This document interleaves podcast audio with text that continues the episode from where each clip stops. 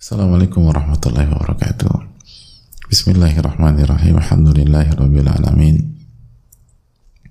Wa bihi nasta'in ala umuri dunya wa din wa salatu wassalamu ala ashrafi anbiya wal mursalin wa ala alihi wa sahbihi wa man sara ala nahjihi bi ihsanin ila yaumidin wa ba'd.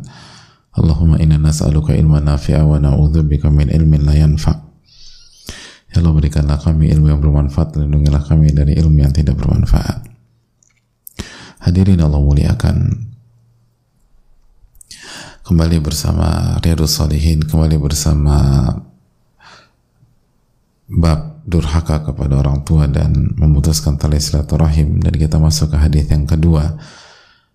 Hadis yang dibawakan al Imam An Nawawi rahimahullah rahimahullah rahimahullah taala rahmatan wasi'ah.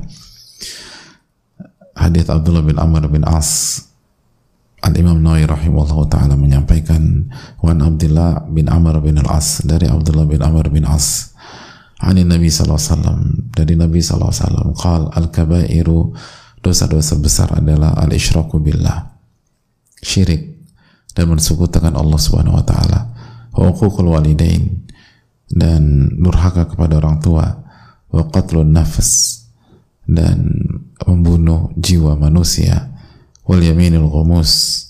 Dan sumpah uh, sumpah palsu.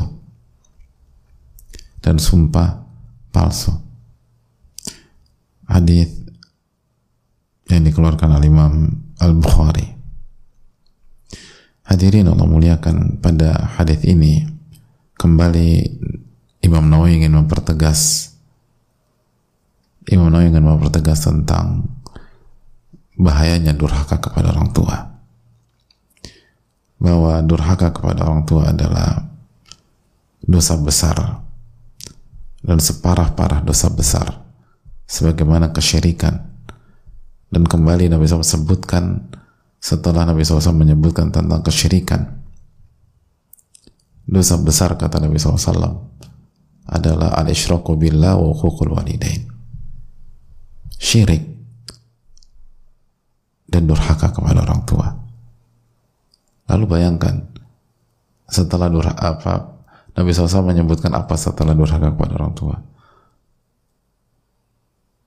Qatlun nafas, membunuh jiwa manusia.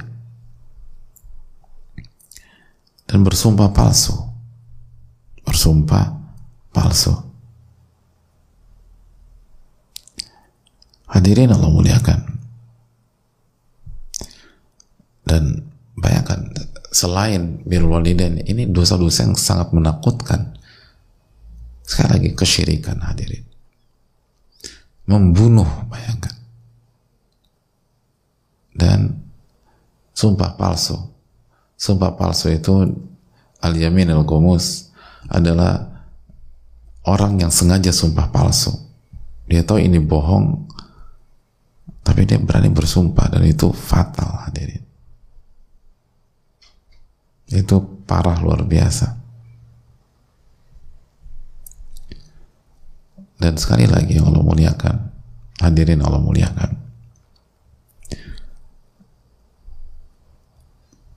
durhaka kepada orang tua ada di salah satu empat dosa tersebut. Ada di salah satu empat dosa tersebut. Ini memberikan renungan yang harusnya sangat sangat tajam kepada kita. Bagaimana parahnya durhaka kepada orang tua. syirik, durhaka, membunuh manusia, dan sumpah palsu. Dan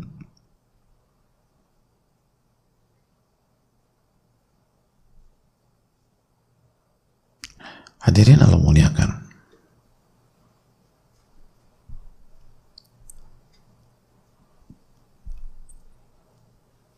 Banyak orang meremehkan.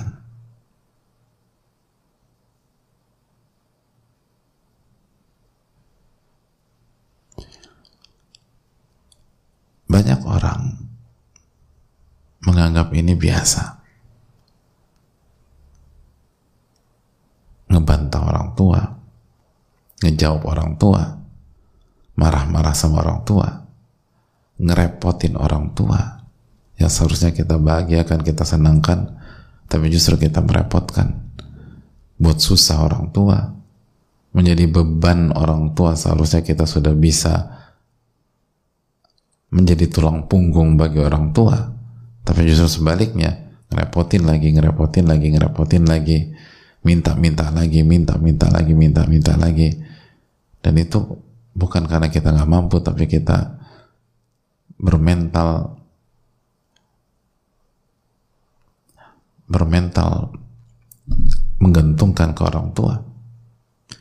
Lalu membentak orang tua kasar sama orang tua ngejawab nggak taat sama orang tua padahal itu bukan maksiat. Banyak orang meremehkan padahal itu dosa besar dan akbarul kabair. Dan di antara dosa-dosa besar yang paling parah. Di antara dosa-dosa besar yang paling parah. Hadirin Allah muliakan. Maka ini pesan kenapa dua hadis ini dibawakan dalam bab durhaka kepada orang tua. Ini parah itu pesannya. Dan sangat-sangat parah. Ini bukan sembarang atau bukan dosa selewat.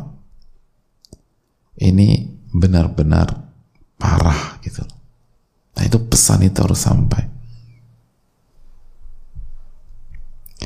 Pesan itu harus clear.